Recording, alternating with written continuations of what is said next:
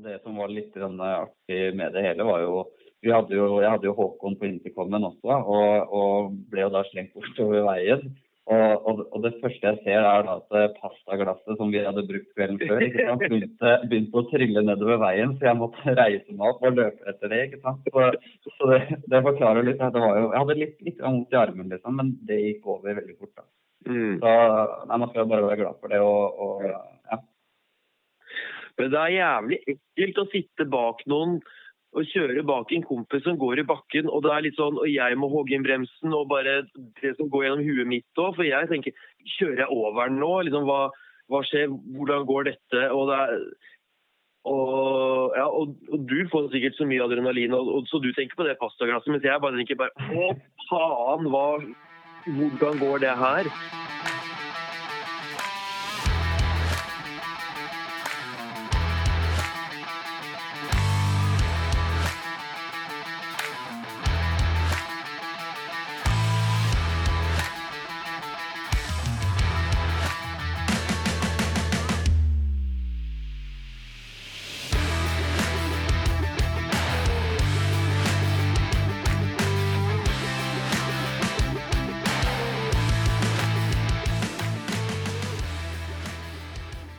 Ok, dere. Velkommen tilbake til Rally Nord podkast. Mitt navn er Dennis Travolta, og i dag så skal jeg ta og ringe Vi skal få med oss et uh, par gjester, faktisk. Uh, første gang vi prøver det. Jeg håper teknikken uh, står oss bi denne gangen, og at vi får med alle de essensielle tingene, og at lyden blir deretter. Det finner vi ut. dagens episode skal vel handle om ja, disse to, da, og eh, eventyrlyst. Eh, kanskje dere kan få noen tips til og gode råd i forhold til uh, en egen uh, liten tur i, sommer, hvis det fortsatt er lockdown osv. osv. Jeg tar og ringer førstemann, og så skal vi se om teknikken står opp bi. Skal han prøve å ringe opp videre? Skal vi se om vi kan få litt uh, lyd. Der var det ikke Skal vi Der. Der ringer det. Så får vi se om vi får noe svar.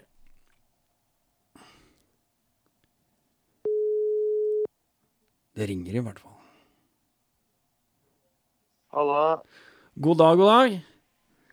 God dag, god dag. Du, Bare et øyeblikk skal jeg hente opp uh, Chris her. Uh, ja. Der tror jeg alle er på plass. Ja.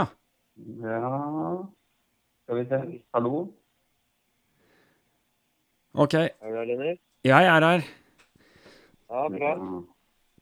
Uh, skal vi se uh, Jeg bare driver og skal sende Chris den der oversikten over OK. Vi er, eh, på, pod vi er på podkast også, gutta. Vi er det, ja. Vi er i gang. Her er det her er det bare touch and go. Det er ikke noe, det er ikke noe mer. Så alt som skjer nå, det, det, legger vi med. Det er en del av eh, den uh, lavoktan podkast-profilen jeg kjører, så det går helt fint. Ja, ja men det er godt. Men uh, vi får se åssen eh, stemmene og lydnivået er etter hvert. Ja. Skal vi bare begynne med å presentere dere én og én? Uh, tenker hvis en av dere tar uh, ordet litt uh, først. Be ja. Begynn med Håkon, da. Hæ? Ja, OK, greit. Da starter jeg. Ja. Det er Håkon Boman Andresen, 32 år. Bor i Drøbak. Og ja Jeg er veldig interessert i motorsykkel, blant annet. Ja. Enkelt og greit. Det er et bra utgangspunkt å være interessert i motorsykkel når vi skal prate om det vi skal i dag. Ja. ja. og så har vi en til. Yes, Kristoffer Skålrødt jeg. 30 år gammel. Um, ja, driver uh, bruker vel egentlig det meste av fritiden på motorsykkel. Uh, ja, og har gjort det de siste seks årene. Ja. Uh, ja. Enkelt og greit. Enkelt og greit. Enkelt og greit. Nei, men det, det er helt suverent. Altså, det er jo ikke helt uh, uten grunn at dere er uh, invitert til podkast. Um, skal jeg ta litt sånn uh, bakgrunnsoppsummering da, i forhold til vår, våres veier og hvor de krysset. det var i Jeg tror det var rundt 24. eller et par dager før, kanskje. 22. mai 2020. Så drev jeg og tråla rundt uh, sammen med en som heter Frode, oppover i Tetløypa. Og eneste målet vi hadde, var egentlig å finne ja, den uh, nå etter hvert så meget kjente gapahuken Råtne blikk. Skal ikke utdype det noe mer. De fleste som veit, de veit. Um, og når vi begynte å nærme oss der, da var det litt sånn skumringsaktig, og vi var egentlig veldig fornøyd med å skimte den der råtneblikk som alle hadde prata om. Det var bare vi som følte at vi ikke hadde vært der. Men når vi kom opp der, der Nei, vi hadde ikke vært der før. Så når vi kom opp der, så står det to sykler, og da blir vi litt sånn Ja, fuck, vi hadde jo egentlig tenkt å overnatte og sånn. Men så ser jeg det står en uh, Altså, det er to veldig kule sykler, det skal vi prate mer om. Men, eh, men det var veldig gøy å se at det står en T7 og en eh, long range, sånn som eh, jeg kjører også. Og det var dere to, det. Det var det. Ja. Så, og det var jo bekmørkt òg, mener jeg husker. Så, ja. ja. Det, det, det var alltid fred og ingen fare. og slappe av. Hva faen er det motorlyd vi hører i bakgrunnen der? Ja, Det er noe lys også. Og så bare her kommer det to motorsyklister, og vi reiser oss opp. og ja, nei, eh, Vi ble jo bra overraska, sa jeg. da, for jeg, jeg, husker ikke helt, men jeg tror Snellingen på det tidspunktet hadde fått inn tre long ranger. Aha. Og jeg har den første, og min samboer hun eh, har den andre, for vi skulle ha hver vår.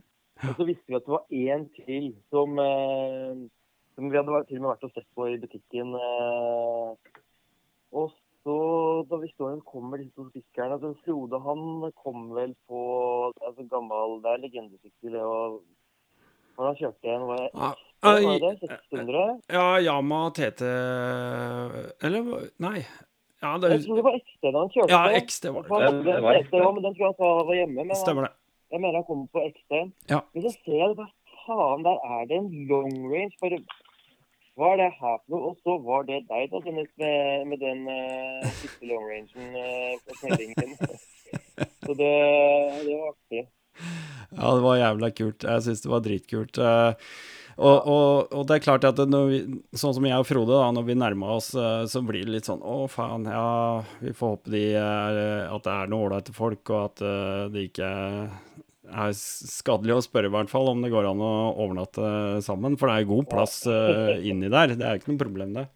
Og det var bare helt supert. Det var dritkult. Og var nesten high fives med en gang. Og bare ja. smelle ut uh, Rulle ut uh, sovepose og liggeunderlag og fyr på bålet bare allerede. Det var ikke vanskelig for oss å invitere dere når uh, Frode vipper fram vinflaska og spør om vi skal ha et glass. Da, da, ja, det er greit, vi kan få ligge her, da. Det, er... det går greit, det. Ja. ja Hemsemiljøet er veldig fint sånn sett. Det er jo enkelt å bli, bli ja, å ta imot hverandre. da. Mm. Nei, men, men, eh, men uh, ut ifra det, altså Vi skal, uh, skal ta det derfra. Men altså, vi um, Det som jeg oppfatta med en gang, det var jo at uh, dere var jo godt forberedt på å være ute. ikke bare én natt, men veldig lenge. Og, og det var jo da jeg skjønte at her er det to karer som virkelig er ute, skal ha sin del av adventure-kaka. og Eh, allerede da eh, var jo mine planer og alt det jeg surra med i huet mitt, det var jo podkast. Og, og det er jo klart, jeg måtte jo spørre dere der og da om om dere var hypp på å være med på noe sånt nå, hvis det, hvis det ble en uh, realitet, da. Mm. Og det er ikke uten grunn. For um, dere har ikke kjørt sykkel så mange år. Chris, du nevnte seks år. Ja, det begynner vel å nærme seg seks år nå. Ja. Eh, men det har jo vært alt fra gatesykler og, og før man på en måte innså hva som egentlig ja, hva som eh, man hadde lyst til å drive med. da. Og da var, jo, var det jo ATV, da. For litt offroad-kjøring. Det er jo fint at man kommer dit, da, hvor man finner ut av det. Ja. ja. Og dere er jo er, Dere er gamle kompiser, eller åssen er dette?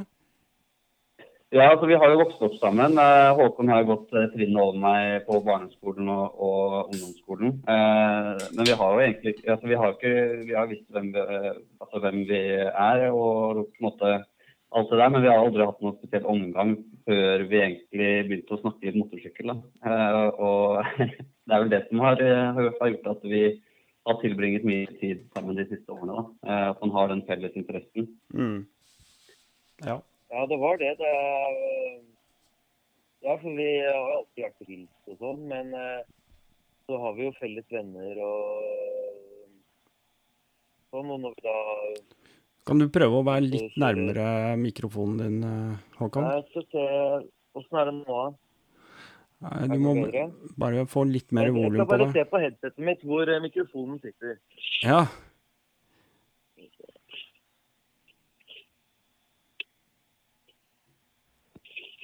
I hvert fall sette på høyttaler, se om det blir noe bedre. ja.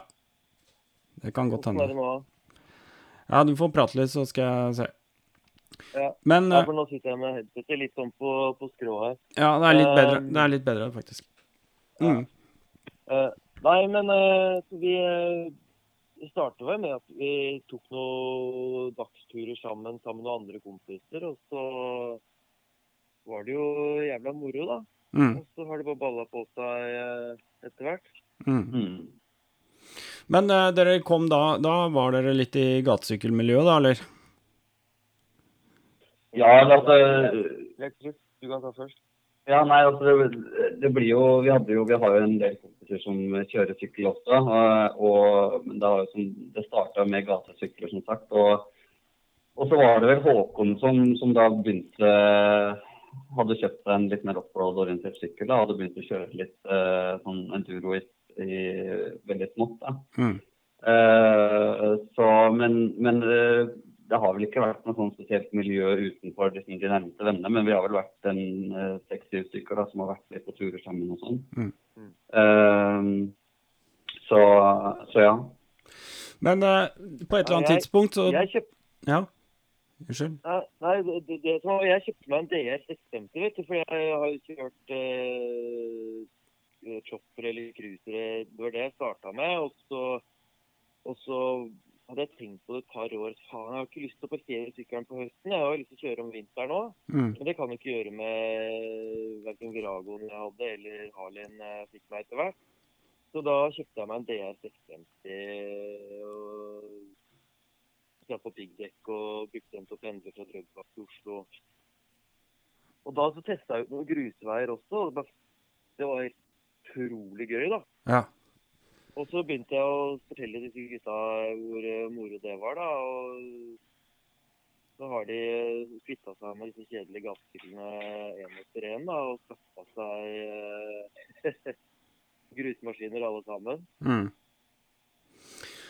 Ja, og da dukker det jo opp en interesse som går videre da, i forhold til adventure, eller? Når du ser liksom det åpner seg en mulighet for å komme seg på litt ut av allfarvei og ta noen grusveier og kjøre litt uh, her og der. Mm. Ja, og jeg har jo jeg ikke så long way around med Ewan McGregor og Charlie Borman for mange år siden, og syntes jo det så helt sinnssykt verden rundt. Og, Jeg tror du skal prøve eh, Kan du prøve den der høyttalerfunksjonen din? eh? ja, jeg kan gjøre det, vet du. Skal vi se her eh. Åssen er det nå? Ja, mye bedre. Ja, bra. Jeg hørte, litt, jeg hørte dere litt dårlig òg, så Ja. mm, prøv å ikke ødelegge opptaket. Nei, det kan bli litt uh, sånn dårlig. Men OK, vi prøver. Vi, vi kjører på. Ja, nei, så, så det har jo liksom alltid ligget i bakhuet der, og har dratt på langtur med vanlige sykler også, men da har det jo vært eh, asfalt som har gjeldt, da. Men eh, når man da har muligheten til å kjøre grus og offroad, så mm, er jo det utrolig gøy, da. Mm. Mm. Mye mer krevende, og, eller i hvert fall noen steder. Og, og samtidig som du senker hastigheten litt, og du får, du får hva- ja, man får, Det er moro på en helt annen måte, da, og det blir mye mer teknisk kjøring. og det er så, Selve kjøringa får så mye større spekter å spille på. Da. Det er så mye forskjellig underlag å forholde seg til. og eh, ja, Mm. mye mer kronglete, men mye mer moro òg, når du begynner å få det til. Mm. Har man en god grunn til å holde seg unna hovedveier også. Da får man oppleve litt mer og se, se litt mer, ikke minst. Ja. Ja, det er noe som du eh, sier der òg, at eh, når du setter ned farta, så har du litt eh, Ja ja, selvfølgelig, du må jo følge med på hva du driver med, men, men man kan gjerne Når man har lav hastighet, så er det mye lettere å bremse helt opp hvis man er Ja. har hypp på å stoppe og se på noen ting eller sånne ting. For ligger du i for høye hastigheter, så blir det sånn der Oi, der passerte jeg Ja ja ja. Nei. Ja. Ikke sant? Det er jo litt sånn. Ja da. Nei, det er gøy. Det er gøy, det er klart det. Ja. Men eh, da begynte jo den, den interessen var jo sådd inn, da. Så, så det er klart at da dukker det opp Du nevner jo at du så Long Way Round og alle disse her Ja. greiene. Altså, det, har vi, det var jo helt konge når de kom ut. Jeg husker jo sjøl Ja, ja. jeg benka meg ned og hadde dette kjøpt på DVD-plater, og det var ikke måte Mm. på. Bestilte, tror jeg, på nett eller et eller annet. Det var jo superkult. Altså Hele konseptet med det programmet der var jo dritkult. Og de fikk jævlig mye pepper, da, for de hadde med følgebil, og det var så enkelt, og alt var gjort så lett. Men allikevel så, så åpna de en annen verden for veldig mange, da. Ja.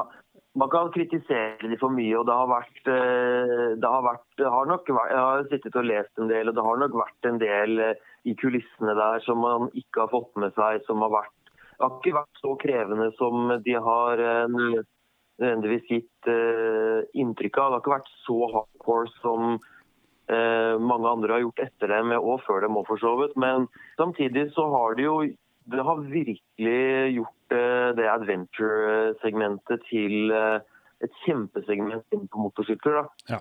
Og det hadde kanskje ikke vært uten. Nei. Så de, og de har absolutt vært på lang tur, det har de. Men uh, selvfølgelig å ha følgebil og med ekstra Ja. alt mulig rart og sånn, så blir det jo litt enklere. Men uh, de kjørte langt.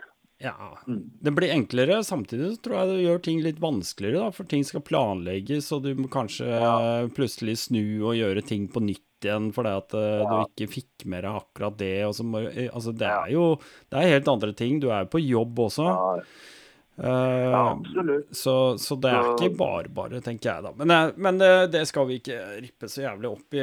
Poenget er jo at eh, akkurat den der, eh, de seriene der, de tente jo en sånn eh, veldig eh, adventure-interesse hos mange, da.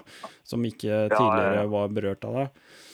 Og da, da måtte jo dere begynne å planlegge litt etter hvert òg, med dette litt frist i minne, tenker jeg. Ja, vi har jo sittet og sett mye, og ja, så er det Egentlig så vi, vi, Det er jo så rart, vi begynte å planlegge hver vår tur på egen hånd. For jeg var på Island i 2019, Mm. og det var helt med dama, og det var helt sinnssykt rått. Og så eh, bare Jeg måtte ha mer, da. Og så endte det opp med at jeg da eh, begynte å planlegge en tur egentlig på egen hånd. eh, og stikke til Marokko, for det var liksom det nærmeste kanskje ordentlige adventure-landet som er, da. Mm. Og så var det vel høsten 20, var det høsten 2019, så tilfeldigvis snakka jeg med, med Chris, og så var han sånn ja, Han også planla tur til Marokko, så bare Hæ? Men Da må de to dra sammen? Hva faen er det her for noe, liksom? Vi driver og planlegger tur til Marokko på omtrent samme tidspunkt. Ja, Eh, Hva er det som skjer her? ja, ja. ja. Jeg mener at jeg, jeg spurte vel deg om et eller annet uh, turorientert uh, på Facebook, tror jeg. Og så svarte du sånn, og så ble det litt sånn her, har du planlagt å dra dit òg? Ja. Å, faen. Eh, men da, da, på det tidspunktet så kjørte jeg MT10, og hadde jo da selvfølgelig ikke tenkt å kjøre så mye ja, utenom allfartsvei. Men eh, og det var da på en måte det begynte å bli litt sånn OK, kanskje man skulle prøvd en litt mer offroad-orientert sykkel. Mm. det var der det egentlig starta sånn sett. da. Mm. Og, og, da hadde jo T7 akkurat kommet, eh, eller blitt lansert her i Norge. Mm. Eh, ja, og så var det da man begynte å sykle litt på det. da. Så, men også hadde vi jo da sittet og planlagt egentlig samme turen eh, begge to. Eh, og da ble det litt nærmere nei, men da gjør vi det sammen. Og ofte når du har kompiser og dere skal planlegge ting, ikke sant, hvor det er en såpass stor plan, da, så blir det ofte med praten. Ja. Men eh, det var veldig deilig når man forsto ganske fort at ok, men han, han er seriøs, han også. Mm. Eh, og da kunne man jo begynne det å sette seg ned med planlegging. Og det er jo halve kosen. Ja. Uh, har hatt flere kvelder hvor vi har sittet både over, altså, over, Skype og planlagt, og vært sammen og planlagt, og, og bare det, det er kos. Mm. Mm. Ja, det er så stor glede. og man sitter, og så sitter, sitter jeg hjemme og ser en YouTube-video fra Marokko og bare Å, fy faen.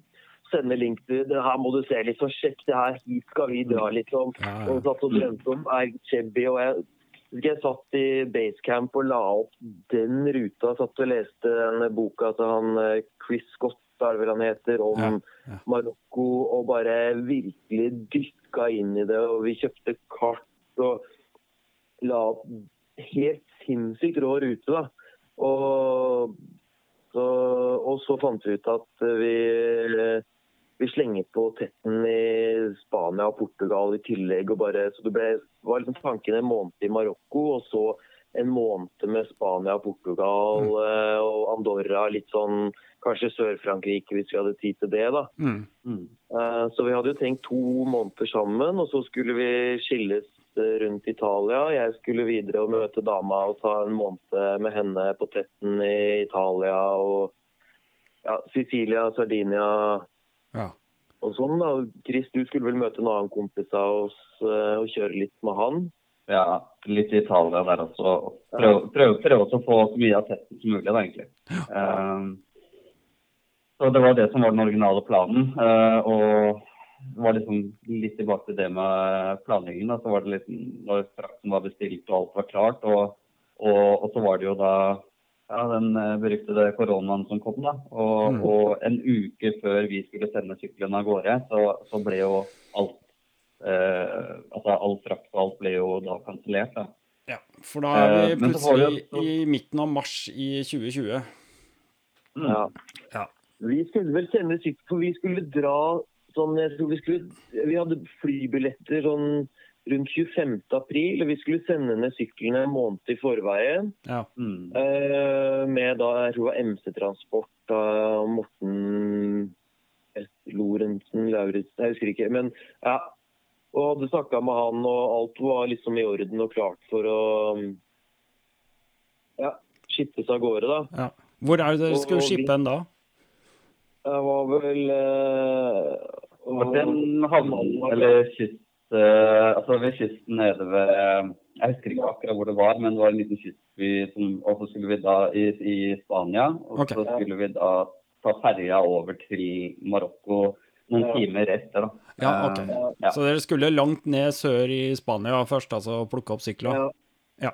Mm. Ja, for han, han, hadde et eller annet sted med, og han kunne ha oppbevaring av den der nede. Så skulle vi, ja, vi skulle fly ned dit da, og så plukke opp og så kjøre og ta ferga over til Marokko. Ja.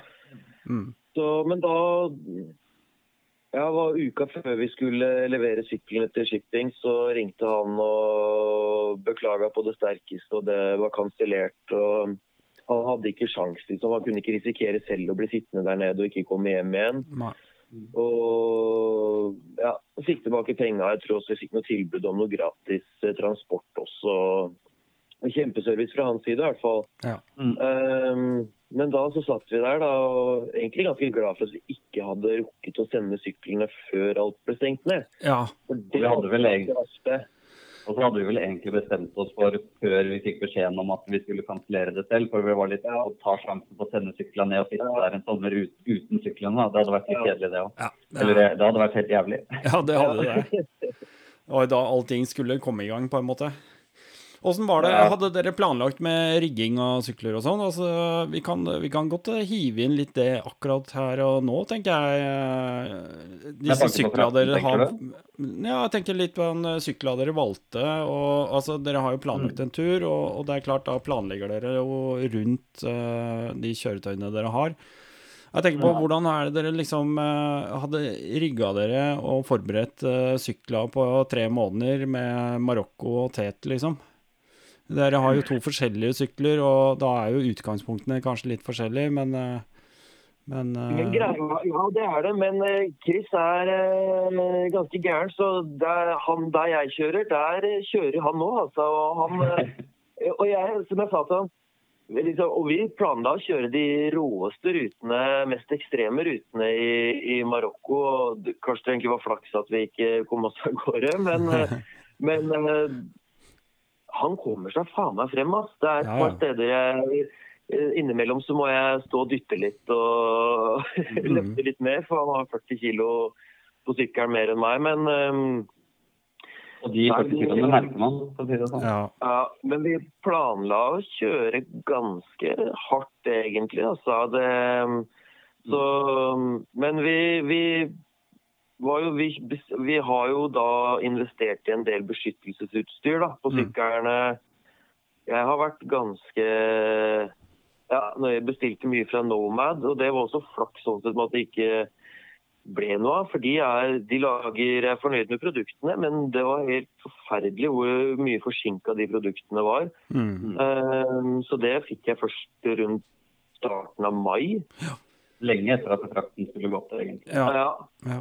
Og lenge etter at vi skulle vært av gårde også, så det mm, Men ja, nei, vi har i hvert fall ja, satt på mye beskyttelsesutstyr. eh, For vi har jo vært forberedt på at vi kommer til å gå på trynet eh, innimellom. Og, Mm. og vi har også kjørt på med godt for eh, softbags, da. Mm. For å spare mest mulig vekt. Mm. Så er, så er det sånn, ja Prøver å spare vekt, men så er det noe bekvemmeligheter skal man ha. og ja, Det er litt ehm, ja, du må gå på Når man skal være borte så lenge, så må man, må man tenke godt gjennom det. For det er, eh, men heldigvis altså, kan man også kvitte seg med ting underveis, Mm. eller skaffe seg mer ting. Eh, Det blir jo litt sånn som man, men eh, det er jo en del nødvendige ting, sånn som er verktøy og sånne ting som tar en del plass. eh, Så man må jo starte der. Hadde dere Ja. noen prøveturer i forkant, eller før liksom avlysningen av Marokko, liksom? eh, Men hadde dere da noen helger med turer og pakka opp litt og så hvordan ting fungerte og sånn? Eh, Jeg husker ikke om vi hadde, hadde vi noen turer sammen, Håkon, det husker jeg ikke. Men eh, vi var iallfall på turer hver for oss. Men Ja, jeg lurer på om vi var på én overnatting nede i Østfold. eh, om det var en testtur én natt. Mm, Uh, men um, ja, jeg var jo med, med dama i hvert fall én tur, om ikke to. Ja. Uh, og har jo vært litt på tur tidligere, da. Så, men um, ja, vi, jeg tror, ja, vi hadde ikke noe sånn særlig det, egentlig. ble, det ble jo også store endringer på bagasjeløsningen. For vi hadde en liten tur i bakken i starten av turen eh, som gjorde at den bagen den var vanntett før det fallet, men eh, ikke så lenge etterpå. Eh, så da ble det litt bagasjeutskifting der, da. Eh, og der Men det, det, det lot seg gjøre, det. Altså. Så, ja, det er bare å hoppe i det. Og så, som du sier, eller jeg er litt innpå, ta noen prøveturer liksom, og bli kjent med bagasjen. Ja. Ja. Eh, og finne svakheter og eventuelt fikse det før man drar på ordentlig tur. Da. Ja, ja. Så, men, men det er jo er jo mye sånn snakk om det i det mm, adventure-miljøet. Du kan gjerne ha en plan, men liksom, man må være forberedt på at ting endrer seg. Og det har de jo det har de gjort så til de grader. Da. Og så til alt har jo bare endra seg underveis. Og ja, vi har eh, Først var det ble et helt annet land vi var på tur i, ikke Ja, sant? Og korona Fordi- og hele pakka. Ja, for nå må jeg bryte inn litt, da. For vi må ta den der eh, Den Segwayen her, den er jo kanskje det som er hele vendepunktet i, uh, i eh, Marokko-planen deres.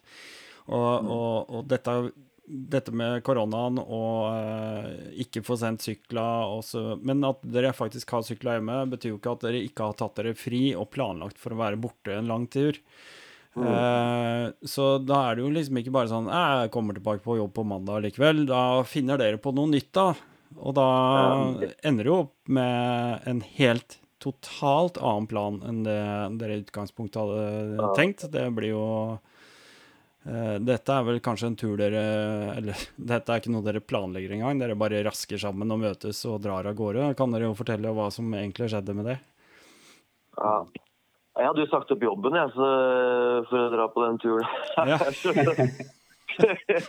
så det, det var, jeg var faen skal jeg hjemme, liksom? Nei, jeg må bare komme seg av gårde. Mm. Nei, men vi um... Men vi var jo på en måte, som vi var litt inne på i stad, vi var på en måte litt rann, eh, innstilt på det. For vi så dette her komme litt Ja. før alt ble avlyst. Og, og, og var jo litt sånn der eh, på telefonen litt nå, hva skal vi gjøre nå og sånne ting. Og bestemte oss egentlig ganske tidlig for ok, vet du hva, vi får bare være positive. Altså, vi, hvis det her først blir stengt ned, så er vi i hvert fall veldig glade for at eh, vi bor i det landet vi gjør. Fordi det er så mye fantastisk å se på. Ja. Og, og det var jo en trøst i seg selv òg, da. mm. Mm. Ja, jeg husker eh, det var en, eh, en eh, på, som kommenterte på noe greier på Instagrammen min fra Nederland på, eh, på et eller annet tidspunkt, for jeg la ut noen bilder og sånn, og de var sånn de var i akkurat samme situasjon de skulle, som oss. De skulle egentlig til, på tur til Albania, men de var stuck i Nederland. og det er sånn, Ja. Tenk om vi også var nederlendere eller belgiere eller et eller annet sånt som bor i et knøttlite land som bare er fullstendig utbygd. Det er sånn, Vi har paradis å boltre oss i. ja. Så, og det er egentlig Det synes jeg var ganske sånn Vi var aldri bitre over at turen ble avlyst. Det var sånn, selvfølgelig det var sånn Æh, faen heller. Men nei, ja, vi har det dritfett. Og det har vært helt fantastisk. Og vi har bare den derre frihetsfølelsen og du står opp når du, når du føler for det. Mm. Så kjører man akkurat så langt i akkurat den retningen man selv ønsker. Og så sitter man oppe så lenge man ønsker, og så bare gjør man det om igjen og om igjen og om igjen. Mm. Og ja, det ble dritkult. Ja, for det at det du, det du egentlig sier nå, det er at dere endte opp dere med tre måneder i Norge på kryss og tvers. Ja, to måneder ble det. Vi, Ja, vi to. kutta Ja, ja, ja, To, to og en halv uh, ish ja. ble det vel egentlig. Uh, men eh, Nei, for det var det som var at vi, vi hadde jo da sånn at eh, den, vi, vi starta da den nye turen vår, da. eh, den starta vi i slutten av april. Eh, og det er jo ofte litt sånn Det kan jo være både og, liksom. Er, eh, i- Oppe i fjellene så er det jo en del snø igjen fortsatt og litt sånne ting. Og da må man jo planlegge turen litt etter der, da. Ja. Uh, og heller prøve å holde seg litt nærmere kysten, kanskje litt nedover uh, mot Sørlandet og Vestlandet og litt sånne ting, da. Mm. Uh, så, så det var litt vanskelig å på en måte planlegge turen eh, når vi var i Norge på starten, med tanke på været. Og første natten så sov vi jo ikke så langt fra Mjøndalen. Og da våkna vi opp av at teltet hadde klappa sammen pga. snø. Eh, og det hadde vært snøklitt i villa. Så, så, så det gjorde jo at det, veldig mye av teten var jo også fortsatt snø på. Så det endte jo med at vi Og i tillegg til det så var det noe Hva var det som var gærent på sykkelen din igjen, Håkon, som gjorde at vi ikke fikk Jeg, jeg eh, Ja, det var et eller annet Var det, var det, var det var det som jeg- bensinpumpa? ja, det var Jeg er, bensinpumpe. kjempe, jeg er kjempefornøyd med longrangen, men det har vært noen barnesykdommer med den, selv om den er bygd på den vanlige 701. Det er ikke store forskjellene, men det har vært litt sånn småtterier. og så jeg tror Snellinger var litt svette der på et tidspunkt, men de har virkelig stått på for å få det til å, så vi kunne komme oss i gang. For de var veldig innforstått med at vi skulle på tur, og de har faen meg jobba hardt på altså, for, at, Ja. eh, for å ordne på alt. Men det var et eller annet. Kan ha vært bensinpumpa, men jeg måtte da låne min uh, utrolig snille samboers uh, vi, vi har en del sykler i garasjen, da. Ja, Uh, Vi er litt idioter eh, når det kommer til sykkel begge to, så hun har da i tillegg til long rangen sin, så har hun også bl.a. en 1200 GS. ja, eh, En standard GS, da ikke GSA. ja. Så den eh, fikk jeg låne, og tok av kofferten og satte på Moskomotoren min og kjørte med den den første uka mens eh, longrangen ble fiksa. Mm. Eh, var det ikke sånn det ble, Chris? Jo, altså, ja, som, som sagt, altså, var jo da eh, styrende på verkstedet, og så venta vi også på de delene eh, fra Nomad, eh, Ja. som gjorde at vi da holdt oss eh, ja, ikke veldig langt unna hjemme, da, med tanke på at vi skulle hente sykkel og de delene. Ja. Eh, så, så det tok jo litt tid før, før på en måte, turen kom ordentlig, ordentlig i gang. Eh, men samtidig så fikk man jo brukt den tiden til å eh, ja, bli, bli litt vant til utstyr og alt det der. Mm. Ja, vi tok oss en tur til Vestlandet, tror jeg vi eh, gjorde. Og, ja, og besøkte en kompis av deg i Stavanger. Mm. Eh, og så tenkte jeg at vi stikker og kjører Lysebotn, og vi møtte på noen motorsyklister på veien. og Nei, det var åpent. Det er bare å kjøre til Lysebotn. Og vi kjørte over fjellet der uh, i snø. og var, uh, tror det var liksom akkurat rundt null grader og sånn ja, sludda. Fy faen, Det var det sureste været vi har kjørt i, tror jeg. Og kommer dit og er ganske bra kalde og skal inn til Lysebotn og liksom tar av og inn, eh, skal kjøre siste strekka inn. Og så er det de siste hva er det, tre mil, jeg husker ikke om det er tre mil, ja, den siste etappen fra bommen der. Men den var jo da nede, for der var det ikke åpent. Så han vi møtte på, hadde jo Visste ikke hva han prata om. Og da sto vi der og Det ble en lang og kald omvei. Ja. Ja. Ja. Så da endte vi vel eh, Men vi fant en sinnssykt kul plass den natten. Da fant vi en, eh, en gammel, gammel vei som gikk eh, rundt et fjell, som som det nå er laget tunnel eh, gjennom. Så da kjørte vi på utsida der og fant den spøkelsesveien. da, og, og telta der og hadde en veldig fin kveld eh, og natt der, da. Ja, for det er det som er kult da med å kjøre med knotter på hjula, som jeg pleier å si. Så, Ja. så har du anledning og mulighet til å komme deg til steder som du normalt ikke ville vært, da. Ja. Uh, og, og ting som virkelig uh, får håra til å reise seg uh, på kroppen når du ser diverse utsikter og fjelltopper og Du opplever så mye fint på sånne turer. Men du nevner jo en eller annen fyr da, som, som eller som sier til dere at dere bare kan kjøre innover der, som ikke har peiling. Altså, dere har jo møtt mye folk i løpet av to og en halv måned. Det har vi. Er det, noe, Det er det noen sånne spesielle hendelser med disse folka dere kommer til å huske i lang tid, eller? Altså, er det, no, er det noen hva, hva er, er det noen positive ting, eh, negative ting, som skiller seg ut, liksom? Mm. Nei, da må, vi må nesten prate om eh, episoden med radiatoren da, Håkon. Ja, det er sant. Fy For det er jo også med på å forklare litt om det fantastiske miljøet vårt. For vi var eh, Vi lå eh, på en camping rett nede på Dombås, og så fikk vi kjøre opp en traktorvei eh, som han som drev campingen hadde, da, som gikk opp på fjellet der. Mm. Eh, og så hadde Håkon et lite uhell som gjorde at eh, det eh, gikk lekk på radiatoren, og det ble høl på den. Eh, og da Skyen sto, vet du. ja. Så da tenker man jo med en gang når man ser det, så tenker man jo fader, nå, hva gjør vi nå, liksom? Eh, og, og moralen ble jo lav, ikke sant. Og, Mm. Men samtidig altså, var begge to er litt, ganske flinke på å på en måte prøve å være litt positive, da, selv om ting kanskje er litt negativt akkurat der og da. Mm.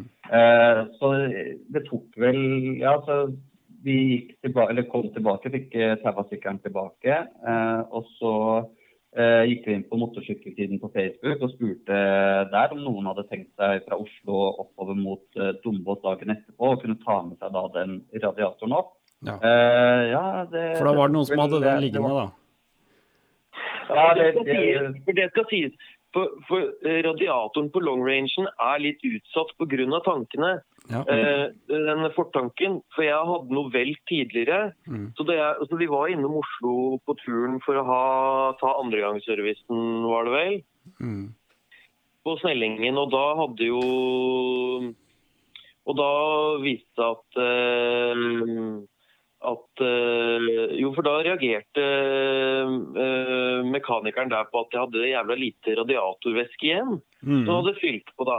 Og så var jeg og henta sykkelen med henger og henta den hjem. Og så når jeg skulle starte den opp, så så jeg det begynte å ryke for eh, Mens motoren så gikk seg varm, da. Og så så jeg at det, det drypper jo fra radiatoren. Så da viste det seg at eh, en eller annen velt jeg har hatt, så har radiatoren fått seg en liten eh, dytt, og så har det blitt en liten lekkasje der Ja. som eh, Ja.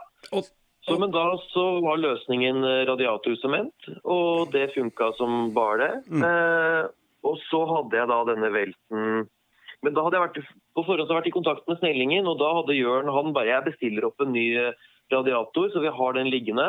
Mm. Og så, hvis det funker med radiatorsementen, kjempebra. Da selger jeg den radiatoren til noen andre når noen skulle ha bruk for den. Men hvis du skulle få bruk for den, så slår du på tråden, og så får vi sendt den med ekspressbud til deg. Ja. Men uh, det ble jo ikke da nødvendig, da, for da var det jo en uh, vennlig type som uh, som, ja, Hvor lang tid tok det før, fra du la ut den? på Det var ikke mange minuttene. Det var, det var ikke mange minuttene. Så det tok ikke lang tid før noen strakte ut en hjelpende hånd. Da. Og, og, og dagen etterpå så var sykkelen oppe og gikk igjen, og alt, alt var fint. Og vi fikk låne, vi fikk låne verkstedet til han som drev campingen. Og, nei, det var fantastisk. Og det viser jo litt grann, ikke sant, eh, at man kan få det levert dagen etter. At noen tar seg tid til det. Da. Det er jo fantastisk hyggelig. ja, det er helt konge. Jeg, jeg, jeg bare jeg har lyst til å skyte inn eh, Du hadde jo på hjelmkameraet ditt, du, eh, Håkon, når dette skjedde. Så jeg har jo Ja. på Instagram-profilen din liksom, faktisk så ligger jo det klippet akkurat eh, i den velten og det som skjedde rundt der. Jeg spurte jo deg den gangen om jeg kunne låne det klippet, for jeg, klipp, jeg klippa det faktisk inn i en YouTube-video som jeg la ut. eh, eh, etterpå. Eh, For det har vært veldig mye spørsmål om det når det gjelder long rangen. Da. Nå sporer vi litt av. Ja. eh, Men eh, eh, veldig mye spørsmål om ikke den, eh, den radiatoren ligger veldig fint og beskytta bak eh, tanken, men det gjør den egentlig ikke, altså. Faen heller. Det er jævla synd, men akkurat den der første drypplekkasjen du har hatt, det kommer sikkert av at eh, at uh, tanken har gitt litt etter i velten, og så dytter den til Ja. radiatoren, og så er det akkurat der hvor ørene, festeørene, er sveisa Ja. på. Der ryker det ofte litt, uh, og, og det er det som er dritt, da. Men uh, Ja. vi får se. Kanskje, kanskje noen har lyst til å finne på noe. Jeg har i hvert fall tenkt å jobbe med en løsning for å ordne på min, for jeg har jo Makan-sykkel. men- Ja. Så, ja. Nei, men Ja, det er kjedelig. For man, eh, når man kjører sånn som vi gjør, så du veit at du velter innimellom. Ja. Du skal helst ikke krasje, det, men, men du veit at du velter på eh, ikke bare ett, men mange forskjellige tidspunkt. Og ja, jeg skulle gjerne hatt en sykkel det, er, det er aldri hyggelig å la sykkelen gå i bakken, men jeg trodde den skulle tåle litt mer, så det syns jeg var kjipt. Altså. For det er eh, hvis, jeg, hvis jeg velter nå, så merker jeg at da prøver jeg å holde igjen i mye større grad. Ja. For det er en sånn frykt for at radiatoren skal gå eh, Ja. igjen, da. Så Ja. det eh, Ja. Nei, det er kjipt. Det er jo også noe med når det først skjer noe, som vi var litt inne på, at eh, det er viktig å være på en måte prøve å holde seg positiv. Da, eller se på det som ok, nå kan man kjøpe seg et par øl og heller ta en kveld eller to hvor man kan skru litt. Det er jo Mm. deilig, det òg. Ja. Og det var jævla gøy, da. Vi følte oss jo Det, det er jo sånn du ser på Lynden Postkit og andre folk som er på tur, og så skjer det noe, og så demonterer de sykkelen og fikser den, og så er de av gårde igjen. Mm. Vi følte oss jo litt proffe når vi står der og demonterer, og det er jo ikke så veldig uh, komplisert uh, egentlig, men uh, man føler seg jo litt handy, da. og Det, ja, det er jo litt moro. Ja, det er, eh, det er faktisk kult. Og, og ofte så blir det en veldig, veldig hyggelig eh, ende på det. Altså, jeg har også opplevd det, og hatt uhell eh, veilangs og fått hjelp av fremmede folk som bare har åpna dør og garasjer, og til og med verksteder som har åpna på søndager for å hjelpe meg midtvinters på motorsykkel og greier. Og, det, og da blir det ofte god stemning, god, god prat, og som du sier, tar et par øl, slapp av, senk skuldra, dette ordner seg. Og så er det masse hyggelige, vennlige folk eh, som er villige til å hjelpe til. og Og det er, eh, det, er ikke sånn, det er ikke en sånn hjelp du får bare fordi du betalte for det. Det er folk som, eh, som støtter opp i communityen, som tar vare på hverandre, og som, ja. som syns det er hyggelig å hjelpe. Ja. Og så må jeg jo si det, altså jeg også handler jo da hos Snellingen, og, og jeg har ikke noe ingenting annet enn positive erfaringer med Snellingen uh, heller. Ja, ja. Så, så, hvis jeg skulle valgt en motorsykkel, uh, hva som helst uh, Bare det å vite at du har kjøpt den på riktig plass, hvis man mm. føler seg trygg på det, så kommer man veldig langt med det òg, tenker jeg da. For det er viktig ja, å ha den backup-planen. Det er skikkelig bra service der, syns jeg. Det, ja, det var veldig digg å vite at hvis det er noe, så så de står på oss for å ordne opp. Det mm. mm. Nei, så Shout-out til alle som eh, bidrar og hjelper til i sånne situasjoner. Vi har jo sett masse, masse tilfeller av det. Kjørt, eh, kjørt 1200 eh, GS-an i grøfta. Er det noen som har mulighet til å hjelpe meg? Stå på en eller annen mm. vei, og det har gått tre kilometer for å få dekning på telefonen og sånn. Og, ja. det er helt utrolige historier. Det er mye morsomt. Så, så det, det er bra, altså.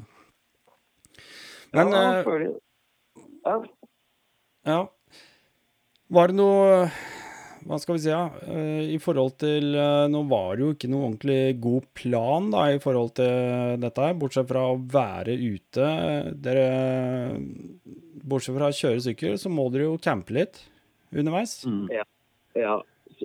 Tanken vår var jo å kjøre mest mulig offroad Når jeg sier offroad, så mener jeg grus. Jeg vet ikke helt hva som er den offisielle definisjonen. Når jeg sier offroad, tenker jeg alt som ikke er asfaltert. Det er offroad, da. Mm. Uh, så men tanken var å kjøre mest Se om du finner mikrofonen din, Håkon. Ja, men uh, jeg har ikke gjort noen endringer her, så okay. Nei, å, bare en dekning. Jeg vet ikke om det plutselig var dårlig, men Nei, så vi Tanken var å kjøre mest mulig eh, eh, offroad. og så vi satt jo og titta litt og fant jo fort ut at vi skulle følge tetten. Da. Men det var også noe som var en annen ting med mennesker man møter på. Det vi møtte på deg og Frode som da For dere skulle vel kjøre tetten så langt nordover som mulig. Ja. Eh, mens vi hadde jo tenkt å utforske de litt mer litt lenger sør i Finnskogen underveis. Mm. Og så fikk vi da melding av dere en kveld eller to seinere. Da hadde dere kommet eh, så langt nord som det gikk før dere møtte på snø. Ja. Og det var veldig digg for oss å vite, for da slapp vi å bruke masse tid på å kjøre opp og måtte stoppe. For det, var, det hadde ikke kommet så veldig langt. Eh, Nei. Over Sjusjøen omtrent, tror jeg. Ja, vi kom ikke så veldig langt. Vi, ja, vi var oppe ved Sjusjøen. Uh, ja. jeg husker ikke helt nøyaktig akkurat hvor langt vi kom nå. Uh, mm. Så da Ja. Nei um, Men, uh, men ja, altså overnattingsbiten, da. Altså, det blir jo ikke Det er jo ikke hoteller langs Tetløypa, liksom? Nei. Heldigvis ikke. Nei. Nei, Det ble mange netter ute, og det, det, var jo det som var litt av målet også. Å få mest mulig Altså å leve så, så enkelt som mulig, da. Mm. Eh, og det å bare kunne stå opp ikke sant, og pakke tingene sine, slenge det på sykkelen, kjøre, bare kjøre av gårde. Mm. Eh, nei, det var helt nydelig. Og det ble jo mye telt. Eh, mye gatauker. Og så er det jo er det en del koier som står åpne rundt omkring mm. også, som er ment for å brukes. Så vi har benyttet oss av det. Da. Det er jo veldig enkle kår, men mm. Eh, det er jo det som er litt, litt av spenninga. Ja. Men det er så kult, syns jeg. fordi jeg husker eh, jeg var i Sverige en av de første grusovernattingsturene som dama og jeg hadde i 2019. Da dro vi på en helgetur til Sverige, og da var det litt sånn eh, koier og gapauker og sånn. Jeg syntes det var så kult at de hadde det. Så trodde jeg at det var sånn særsvensk greie med åpne koier og sånn. Men det er så mye av det rundt om i Norge. Det mm. er jo masse koier og gapahuker overalt. bare du kommer. Jeg er vant til å gå på tur i Nordmarka og, og sånn, og der er det jo såpass mye folk og litt begrensa. Men når du kommer deg litt rundt om i landet, så er det så mye utrolig koselige plasser som det bare er for Ofte så er det ved der. og ja, det er bare liksom å Selvfølgelig har, har man med seg ved, så bruker man egen først. og det kan jo være hyggelig å legge igjen et eller annet, om det er en real turmat eller Mm. et eller annet til de neste som kommer, da, som takk for lånet. Men, men det er så utrolig mange flotte plasser og, som man får tak over huet, da, som er helt gratis. og Og det gjør at man kan dra på la oss si, Hvis man skal på en litt kortere helgetur, så kan man også dra uten å måtte ta med seg telt og alt det der. For når man skal kjøre litt mer sånn offroad-orientert, så er det veldig greit å ikke ha med seg for mye bagasje òg. Ja. Det kan jo være litt sånn ødeleggende på turen. Ja. Så um, prøve å pakke så lett som mulig og finne steder å sove, da. Og det er massevis. Jeg syns det er veldig fint det Håkon eh, nevner her, eh, på en måte at eh, når du kommer til en koie eller et eller annet sted, og det ligger noe der som du kan få bruk for, syns jeg er en veldig fin og hyggelig gest om det er noe du har som du kan legge igjen til nestemann. Mhm. Det syns jeg er en Det var en fin, fin tanke, syns jeg. Ja. Bare ikke, ikke legge igjen søpla di. Ja. Åh, jeg er så glad jeg slapp å si det. Ja. Veldig fint. Jeg er helt enig. Eh, Plukk med søpla deres. Um, apropos det, jeg- en liten, eh, liten avsporing igjen da, når det gjelder gapauker. Så um, dette er jo bare for eh, spesielt inviterte. Så finnes det en Facebook-gruppe som heter uh, Motorsyklistenes gapahuk-laug. Og det er eh, ja, vi er vel 210 medlemmer sånn cirka. 220 kanskje. Men uh, du er nødt til å kjenne noen i gruppa for å få bli medlem. Der legger vi ut uh, masse poster og, og ikke minst eh, koordinater til diverse GAPA-uker rundt omkring der hvor du måtte være. Så det er også en kul greie. Men mottoet er helt klart ta, ta med deg søpla, og ta gjerne med deg litt ekstra også, hvis det er mulig. Ja. Absolutt. Nei, det er jævla fint. Jeg, jeg syns det Og det var det Når jeg møtte dere oppe på Rotneblikk der, og dere lå der og tenkte hørte de historiene og hva dere hadde gjort allerede. Dere hadde jo vært ute nesten en måned. Uh, og, og var fortsatt på tur og skulle være borte mye lenger. Altså, jeg hadde jo bare en uke jeg skulle være ute, men dere liksom skulle være skikkelig på tur. Jeg syns det, det er kult, altså. Og, og ja. introduksjonen i podkasten her før jeg begynte å ringe dere nå, det var jo liksom det at um, Kanskje dette her er eh, det du skal gjøre i sommer, da. Hvis du som lytter eh, nå eh, egentlig står der og er litt tafatt og lurer på sommeren og korona og ikke noe chartertur og ikke noe svenskehandel og i det hele tatt, så er det masse muligheter i det landet her, altså. Ja, ja. Så veldig kult. Pakke med seg fiskestang og komme seg ut, så er det massevis å gjøre. Og, det er, eh, og så er det også litt viktig å være med på å sponse litt oppover også i Innlandet og litt oppover. Og være med på å støtte de små bedriftene. Da. Mm. Og kanskje stoppe og kjøpe eh, mat på litt små steder og sånne ting, da, istedenfor de store, store kjedene. Ja.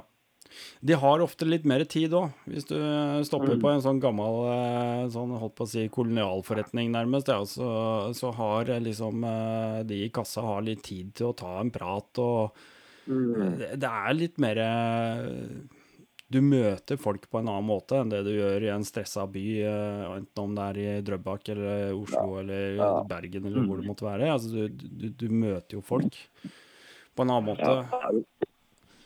Ja, Vi har møtt på så mye hyggelige mm, folk og folk. Og det som, jeg, som går inn her Jeg, jeg syns folk egentlig har vært så positive til oss. Og sånn når vi har vært og kjørt eh, Tetten og når vi har vært og handla liksom, Folk er så vennlige og Ja, og det kom jeg på det var et eller annet sted vi var og handla.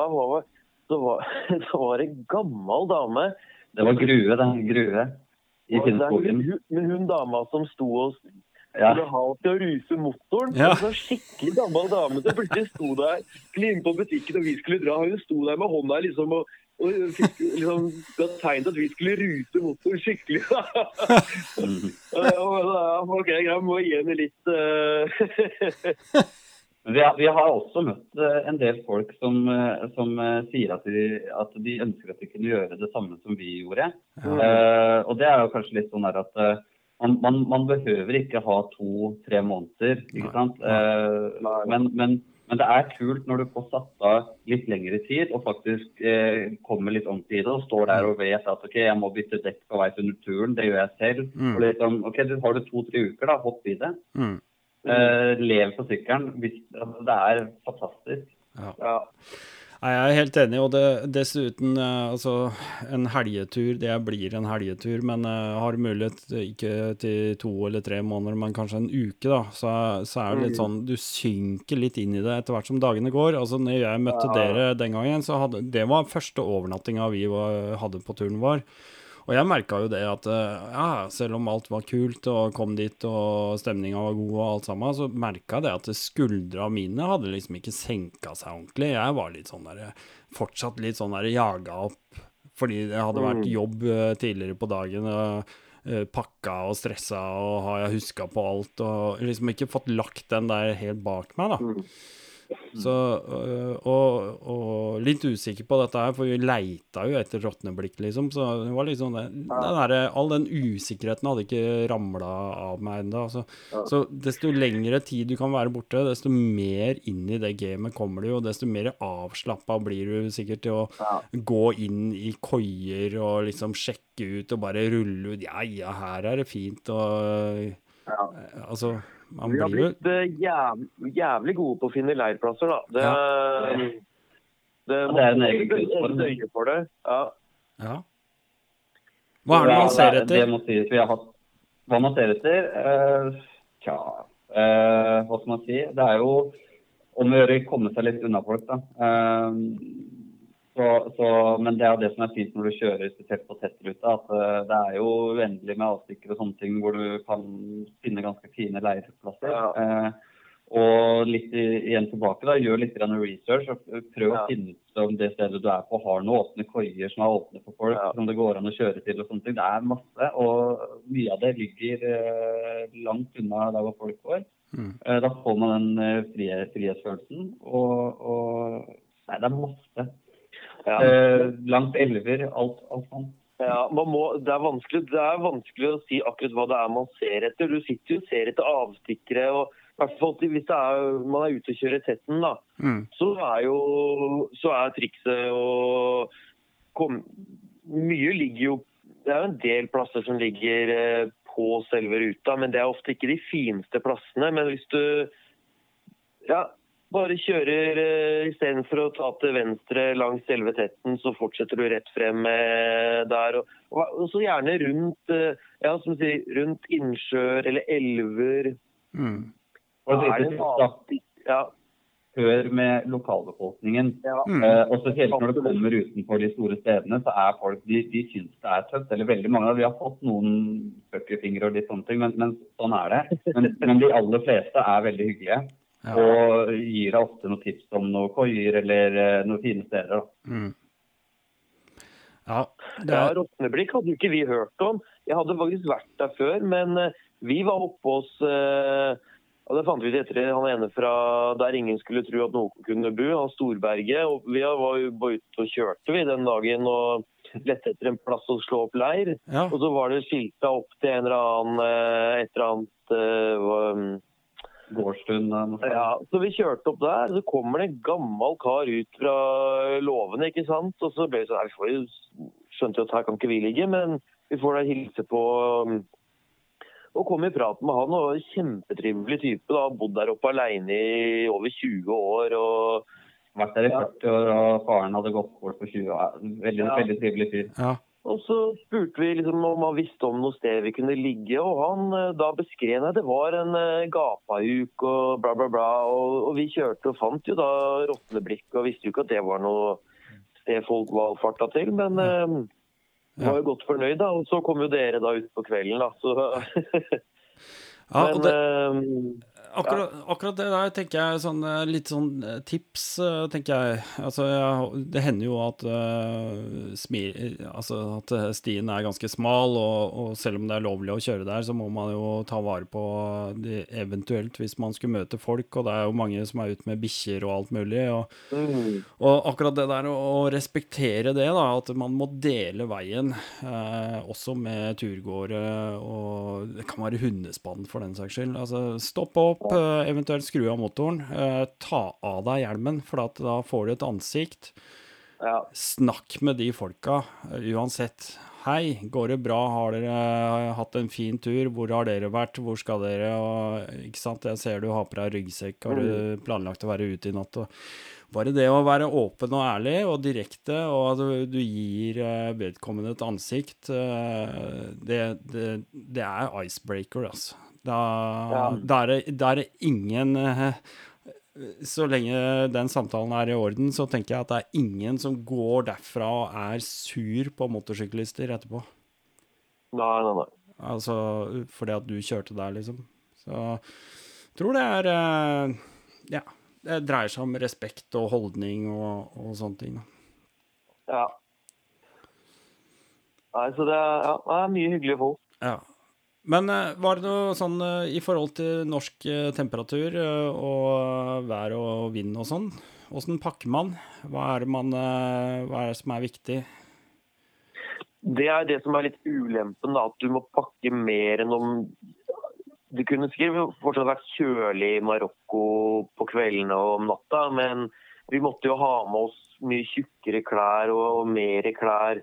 Mm. Eh, Jeg tror, eh, jeg tror det viktigste vi hadde med oss begge to, som vi brukte veldig mye, var jervenduk, egentlig. Eh, Det tror jeg vi begge er enige om at sånn, med tanke på vær og alt det der, så det er, det er viktig, ja, absolutt. absolutt. Og så er det viktig å ha ting som er vanntett og, og som du kan bruke. Og det er spesielt når du er Altså, vi hadde alt fra snø til eh, masse regn til minusgrader på natta. Mm. Alt Mm. mulig. Og det er liksom sånn du kan Du må pakke veldig smart. da, Pakke veldig lite. Og heller vaske i en bekk eller et eller annet sånt underveis.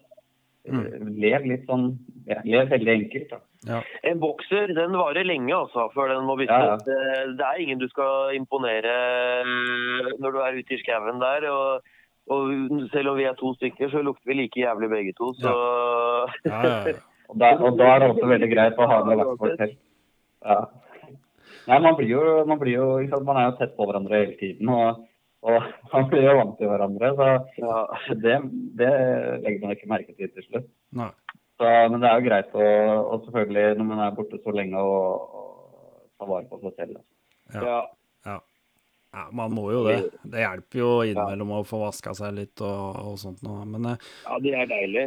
Men jeg tror eh, det gir noen nye utfordringer med livet, da. Vi har blitt så jævlig eh, vant med, med alt mulig sånn komfort rundt oss. Den derre komfortsonen med bare det å ha en vaskemaskin og stappe bokseren Ja. etter en dag og liksom er Liksom bare gå i klesskap og ta ut et eller annet for dagen, eller ha alle jakkene hengende. Altså, man må jo tenke mye mer sånn eh, minimalistisk, da.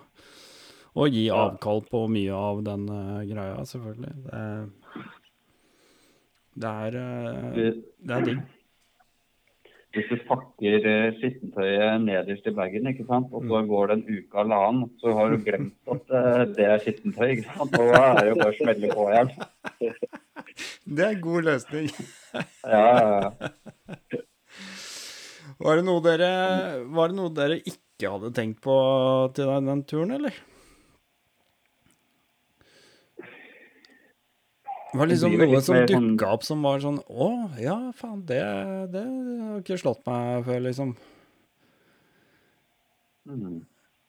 Eller hva? Vi var ganske godt forberedt, egentlig. Altså, jeg, Ja, det ble egentlig ikke noen sånne store overraskelser. For vi hadde jo ikke sant, Vi bytta jo var vel gjennom fem forskjellige dekk eller noe sånt på veien. Og, og Mm. Hadde jo på en måte øvd på det. å nå hadde vi vel ingen punkteringer. Nei, det hadde vi ikke. Eh, og, og um, Så vi var egentlig ganske forberedt, altså. Eh, jeg kom ikke på noe sånn spesiell overraskelse, egentlig. Eh, Nei. Nei.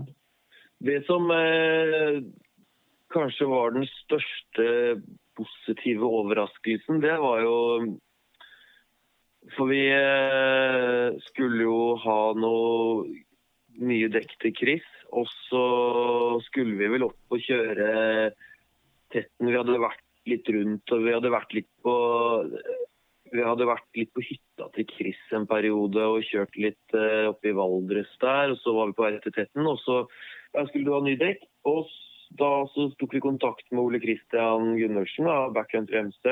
Mm. Og han hadde da noe motosdekk som han skulle ha fått inn. Mm. Så det hørte mye bra om. Og så eh, ringer vi han, og, og ja, vi var vel innom foreldrene hans en tur og slo av en prat med de. og...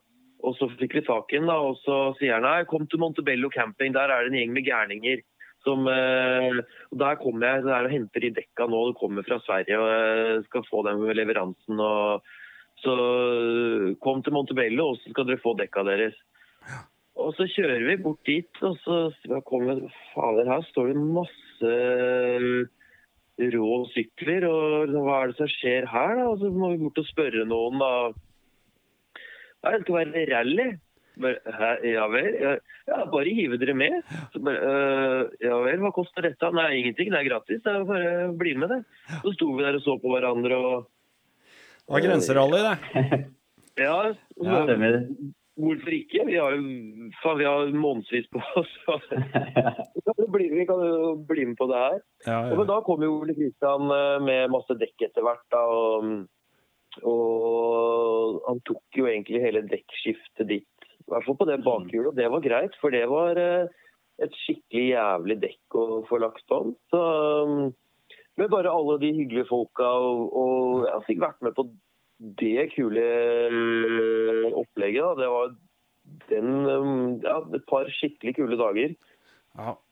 Jeg og Frode kom jo ned til Vi også hadde jo en natt Ja. der, vi også. Da, og det er, Mm. Men det er det som er kult, da, akkurat, med, akkurat sånn som grenserally. Det var første turen Ja. min dit også, egentlig. Men det, den opplevelsen av samholdet, da, og se det at det Ja. fins enda flere sånne tullebukker uh, akkurat som deg, Ja, og, og, og liksom det å kunne utveksle erfaringer og prate og høre andres Ja. historier og, og og sånt nå er eh, det er jævlig ålreit, og, Ja. så- og så føler man seg ikke så aleine, da, på en måte. Ja, Og så veit man at man er der et par dager, og så er man av gårde igjen, og så er man jo på egen Mm. hånd. da. ja. Mm. Nei, Vi har kjent med masse folk også. Det var jo Ja. ålreit. Ja. Og, og så, så det er egentlig det som var poenget mitt. da, at eh, Som vi kunne ha vært det, Eller hvis man skal på tur, som vi kunne forberedt Skje- Nå er jo ikke Norge så stort, og det er ikke så mye motorsykkeltreff rundt om i Norge. Men det er jo en del rundt om i, i verden, og skal man ut på tur og litt lengre tur, så kan det lønne seg å sjekke opp om det er noe treff i de områdene man skal. For da enten så kan man stikke innom, og det er sikkert hyggelig, men samtidig også hvis det skulle skje noe, eller man trenger assistanse, Mm. så er det garantert noen som uh, kan hjelpe til på en eller annen måte. Vare med turtips òg, ikke sant. Man Ja. måtte, Ja, ja. finne turtips òg. ja. Mm. ja. Det er helt klart, det. Det er helt klart. Men uh, jeg veit at eh, når vi, når vi snakka litt om hva vi Eller vi, vi avtalte vel lite grann sånn Er det noe spesielt dere har lyst til å snakke om? Altså, vi er inne på Jeg tenker på litt sånn utstyr og sånn.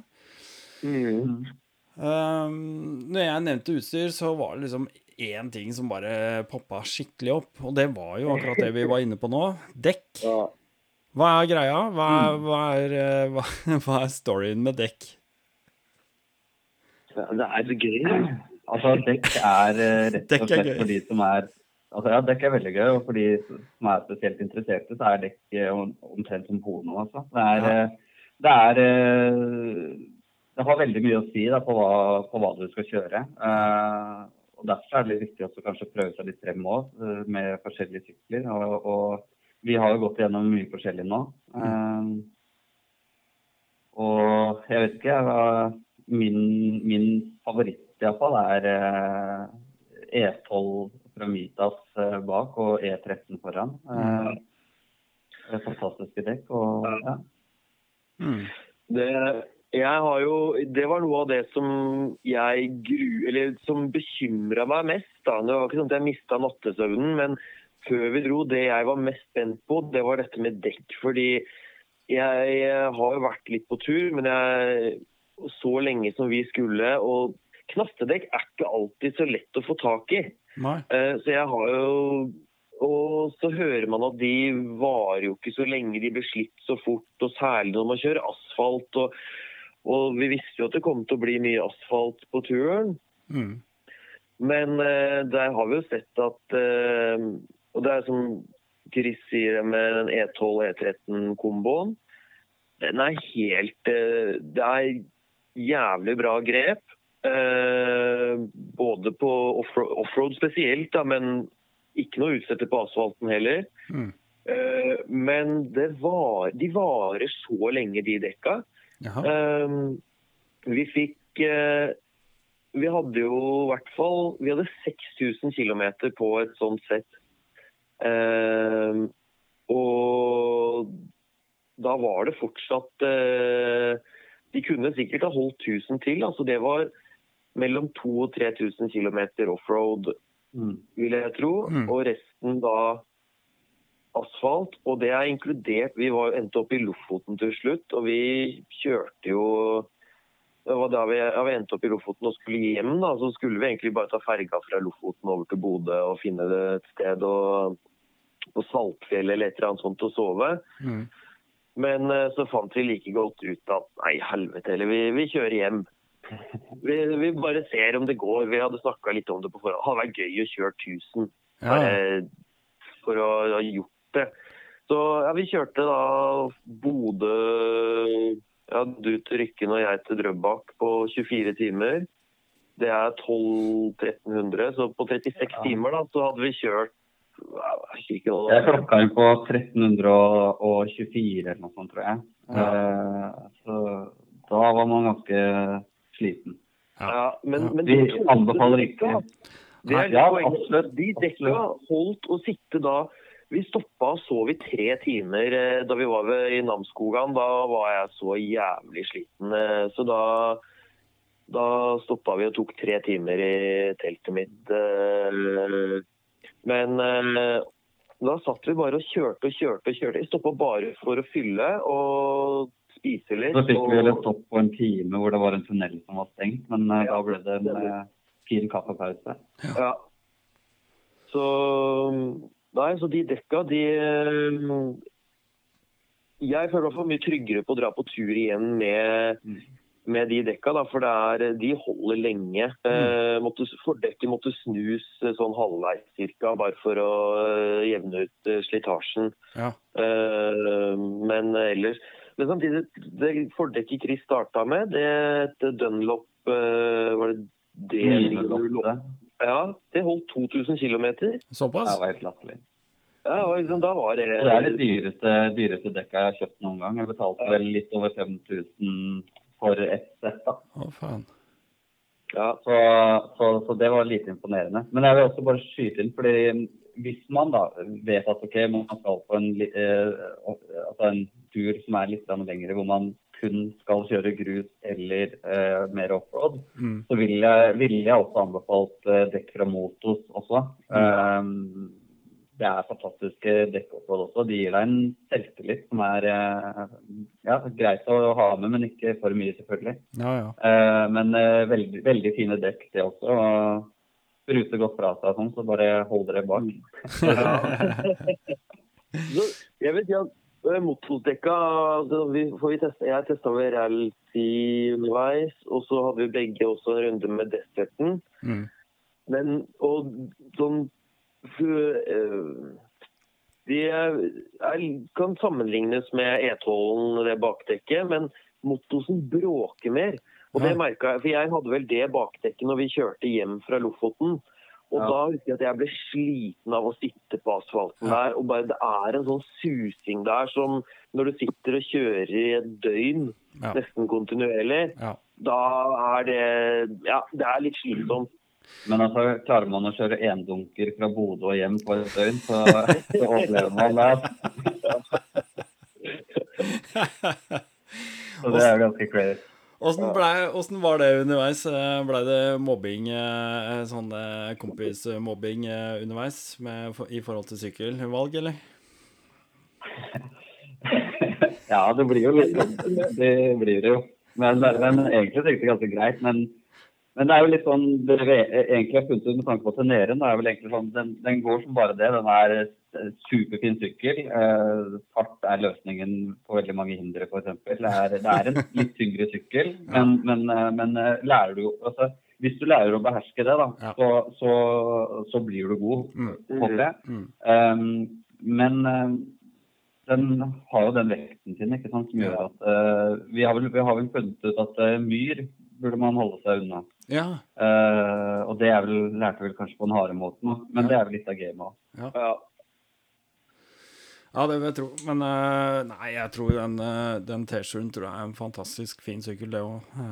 helt overbevist om det. Og, og ja, det, uten at jeg skal være ekspertkommentator på det, har ikke noe, har ikke noe Ja. å farme Nei, altså- der, sånn sett. Jeg tror dere kan Det er i hvert fall en sykkel som tåler å bli velta med. Det, Ja. det kan jeg skrive under på. Ja, ja, ja.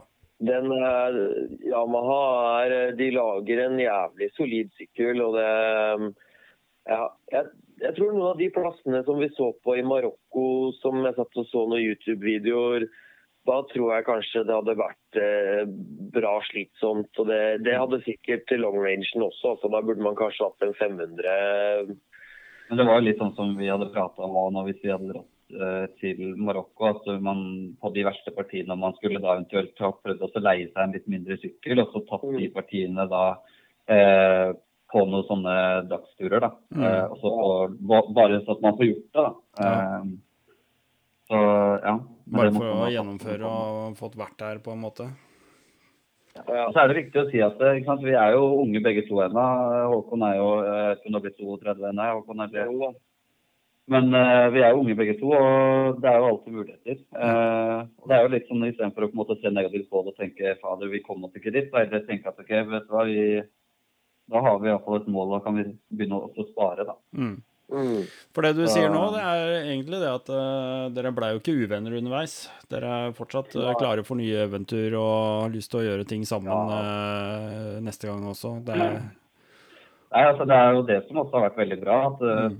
altså, Det skal jeg kalle det, samarbeidet mellom meg og Håkon har, har vært veldig bra. Og, og vi er to personer som begge er utadvendte. Og eh, det var jo ofte litt sånn at eh, hvis vi var på steder, da, så sto Håkon og prata med en, og jeg sto og prata med en, så vi var liksom ikke alltid på hverandre. Og, og, og, eh, men samtidig, så, som jeg har sagt til flere kompiser også, at eh, når man først skal på en så lang tur, da, så er jeg glad for at det var med Håkon. For det, det fungerte veldig, veldig bra. mm, Og man respekterer hverandre og ja, og det fungerte veldig bra. Så hvis man skal på lang tur, så er det greit å på en måte kanskje gjøre det med en som man uh, ja, som det kan funke med. da. ja. Ja. Nei, det Nei, det var eh, Vi har jo vært på litt sånn enkelt sånn småturer før, men vi har ikke vært så mye sammen, så jeg var veldig spent på det. sånn Hvordan kommer det her til å funke? Men det er jo sånn derre og jeg, følte meg, og Det var veldig sånn før vi dro at jeg følte meg trygg på det. Jeg trodde det skulle gå bra, men at det gikk så bra som det gjorde, er, ja, det er ganske imponerende, syns jeg. Det har vært eh, Jeg tror ikke det har vært noe sure miner. Nei, det har vært veldig bra.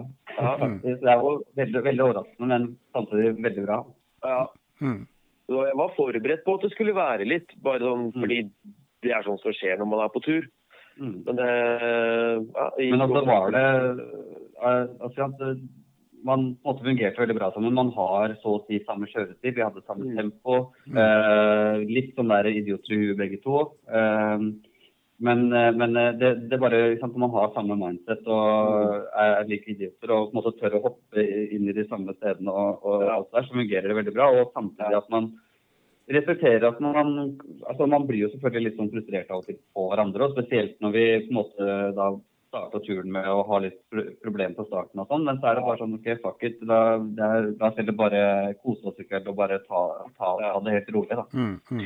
Og så, og så var det sånn, hvis en hadde en eh, dag hvor man var litt sliten, uh, så er det litt sånn Vet du hva, i dag bare, må jeg bare ta det litt kule, liksom. Og så var det helt greit, og så, og så roer man tempo. Um, og, mens så andre dager så, så er man og vi, og vi kjørte jævlig likt, da. og Det er kult at man ja, har samme tempo. Det er, um, og samme stoppintervaller og ja. Mm. Føler dere at uh, dere tok, hadde litt sånn forskjellige roller midt oppi dette her? At det var liksom én som var veldig på typ navigering, og en uh, pekte seg ut i forhold til jeg har lyst til å se ditt og datt? Eller var dere liksom bare helt enige om alt og gjorde alt på en måte? Nei, altså vi starta jo Altså vi hadde jo kvelder hvor vi satt og så på kart og litt sånne ting, så vi, vi ble jo enige om mye. Og, men det var jo på en måte på starten, den, den, første delen av turen hvor vi på en måte måtte planlegge mest med tanke på hvor vi skulle og sånne ting. Mm. Eh, og, og, da var det jo egentlig mye man ble enige om. og, og og bare ved å se på kartet. Og vi la jo oss aldri noen sånn konkret plan, og det var en av de tingene vi også diskuterte før vi dro på turen. At det, det er ikke noe poeng å sette opp da og da skal vi være der, fordi da binder du deg så veldig.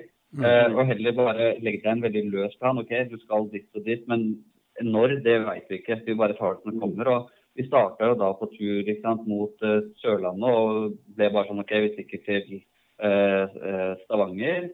Og når vi da dro til Bodø på slutten av turen, da, det var jo bare sånn vi skulle egentlig begynne å kjøre en, altså en helt annen vei. Og så så vi på kartet når vi var hos en kompis eh, av eh, Håkon, da, og så tenkte vi fader, skal vi Vi skal ikke bare dra til uh, Ja, for vi hadde vel egentlig ikke tenkt oss noe lenger nord enn til Røros. Og så mm. fant vi ut at vi skulle ta oss en tur til Trondheim helt på slutten. Ja. Mm. Og så plutselig bare Nei, faen vi, vi kjører Helgelandskysten, det er så fint. Så stikker vi til Bodø og så hilser vi på en kompis av meg. Og så når vi var der og spurte de om noen overnattingstips for, som vi kunne ta før vi skulle stikke hjemover neste dag, og så fikk vi råd om en strand eller et eller annet sånt, og så plutselig så Nei, faen, vi kjører til Lofoten. Ja. Det var vi bare gjør, ja, ja. på. Han hadde et gammelt skolekart som han hadde fått, uh, som hang i stua der. Og så, ja, det var det. Og, og så så vi på det, så så vi plutselig Lofoten og tenkte åh, det hadde vært deilig. Og så sjekka vi på værmeldinga. Ja. Det var jo meldt uh, nesten 30 grader, ikke sant? Ja. og nesten ikke noe vind og alt der. Så tenkte vi jeg vet hva, vi kan ikke være på en norgestur i så lang tid uten å bare ha stoppet innom der. Nei. Og det var jo før alle turistene kom også. Så det var jo nesten ikke folk der. Nei, det er... Vi hadde Lofoten for oss selv. Det er så ja. flott oppå der. Det er så fint. Jeg har også ja. fått uh, anledning til å være oppe i Lofoten i uh, akkurat helt skyfri uh, himmel og Nei, fy fader, altså. Mm. Mm. Jeg tror det er fint uansett, da. Det er ikke det jeg mener. Men når du faktisk får lov til å oppleve det, da, man, da føler man seg nesten privilegert. Ja, ja, ja. Og da kjørte vi jo, ikke sant? Det var jo På slutten av turen så kunne vi jo kjøre da med litt lettere bekledning, mm. eh, men fortsatt ha bekledning som var på en måte sikkert. Nå husker jeg ikke, vi brukte vel eh, hva er det man kaller det, Håkon? Brynje. Brynje. Eh, og vi kjørte jo da, ikke sant. Det steika jo. Nei, det var fantastisk. Og, mm. og, så var det jo slutten av turen, så det var jo veldig sånn åh, deilig at man kunne få det helt, helt på slutten. da. Mm. Ja. Nei, det er, eh, det er, fint. Men var det det lengste nord dere var, eller? Ja. Vi, ja. vi kjørte opp til er det Løddingen, ja. hvor ferga til Lofoten går. Så det var vel eh, ja. det lengst nord vi var. Ja. Vi snakket om å dra lenger, men når du er der, vet du, så er du faen meg nesten bare halvveis til Finnmark. Eh, føles det ut som. Eller det er yes. til Nordkapp, det er langt igjen. så det er ja, det, var, det gadd vi ikke. Jeg tror jeg er videre 70 mil eller noe sånt. Jeg er fra, derfra og videre opp til Nordkapp. Ja. ja. Og det er hvis du kjører var jo veldig sånn vi var jo veldig avhengig av hva regjeringen skulle gjøre også. ikke sant? Fordi mm. Det var jo en periode der hvor, hvor de åpna for transit over til Danmark eh, via Sverige. ikke sant? Og Da tenkte vi ja. kanskje vi kommer oss inn i Finland. da. Uh, men så litt undersøkt, så ble vi litt mer OK, skal vi undersøke det? Og så gjorde vi det. Og så viste det seg at det ikke kan bruke Sverige som transittland. Da så måtte vi da eventuelt ha kjørt helt opp eh, til nord, ikke sant. Og da kjørt inn eh, på finskegrensa via Jeg eh, hvor man kjører inn fra der, men, ja. men, men det, da hadde turen blitt veldig mye lengre, og det hadde blitt veldig mye asfalt, ikke sant. Og det er jo litt sånn Det fristet ikke veldig. Og, og skulle man kjørt litt sideveier der, så hadde det jo plutselig tatt veldig mye lengre tid. Mm. Uh, ja. Så det var litt dumt, da. Men, uh, men det var jo, når man heller kunne dra til Lofoten da, så skal man ikke klage. Altså. Nei, det var fint. Og, og ja, det som liksom som jeg husker, og det at vi hadde så lang tid den derre friheten og, og det derre Det tar tid før man finner roa Mm. og rytmen sånn Jeg har vært på tre og en halv ukers uh, motorsykkeltur før, men da blir det litt sånn Jeg blir litt sånn stressa når dama og jeg er på tur og vi skal av gårde og vi har et mål. Så har jeg blitt så småstressa og er kanskje ikke den hyggeligste å være på tur med, i hvert fall i starten, inntil jeg ser at vi har jo mer enn nok tid. Mm. Men her så hadde vi på en måte ikke noe spesielt. vi- Og vi, vi måtte bare ta det med ro, for det var så mange steder det var snø, og hvor veier var stengt. Og, så det var litt sånn Jeg hadde leid ut huset mitt, og ja, så det var ikke mye å gjøre. Mm. Så det, ja, det er jo det å bare finne den roa og, og ha den tida, Mm. det er, eh, ja, det er luksus. Det er det. Ja, det er det.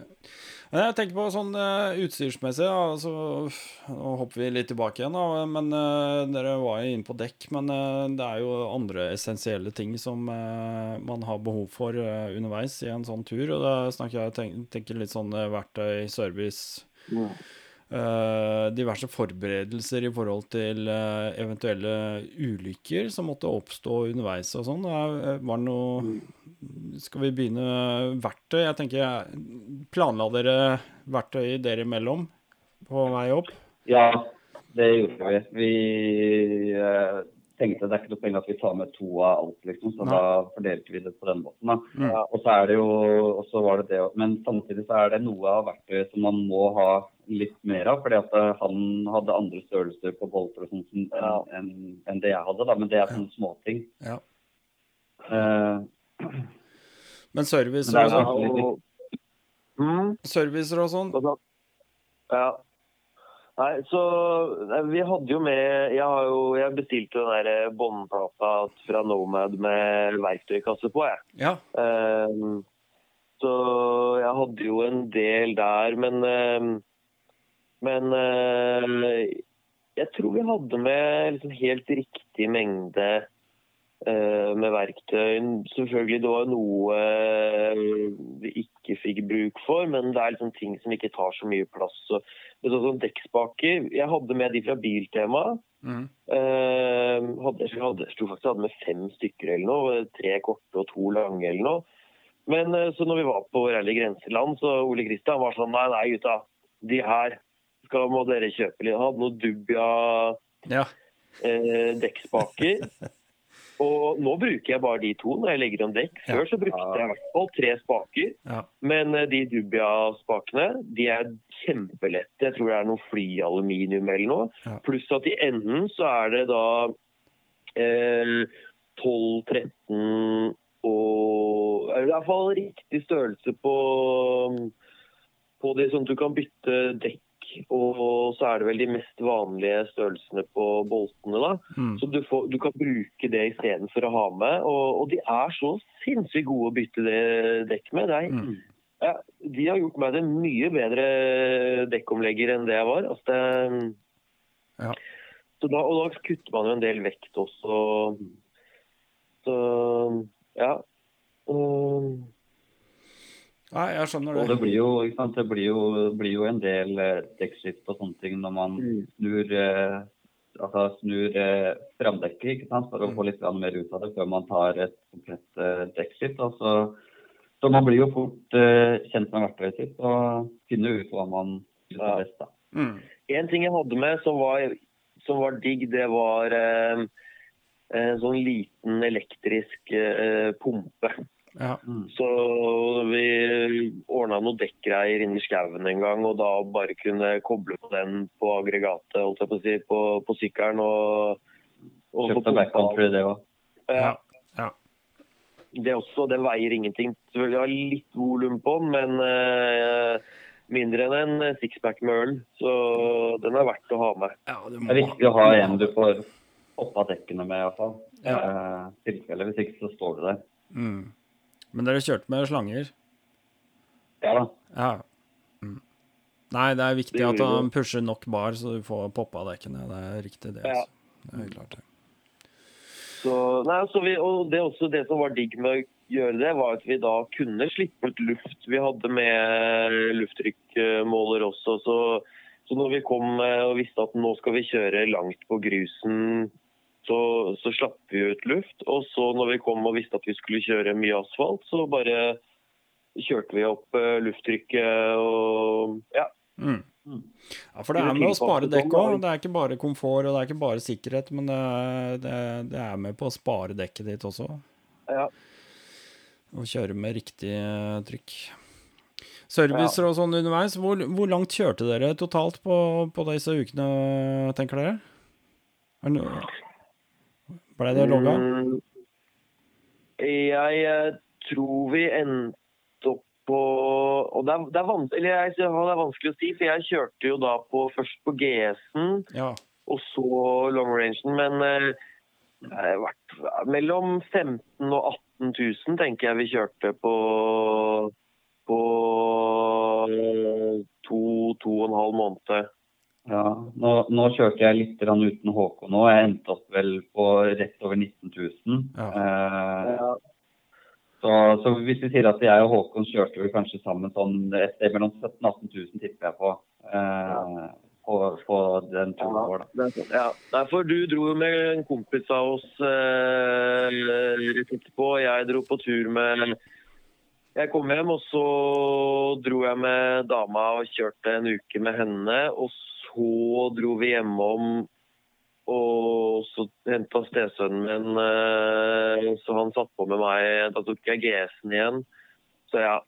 Men det ble en del 1000 km i fjor. Det ble det. Det ble på 20, 20 ja, totalt i fjor 20 000-25 000, tenker jeg. Men det setter godt perspektiv på den uh, turen og, og, hvor langt dere har kjørt. Altså. For det, det, da ja. får du inntrykk av at dette er ikke noen småtur lenger. For det, det, er ganske langt. Det er jo betraktelig lenger enn det veldig mange kjører i løpet av to år, liksom. Ja, jeg tror det er 16 000 km ned til Cape Town. Ja, så, så, vi har vel nesten vært verden rundt nå. Sånn, ja.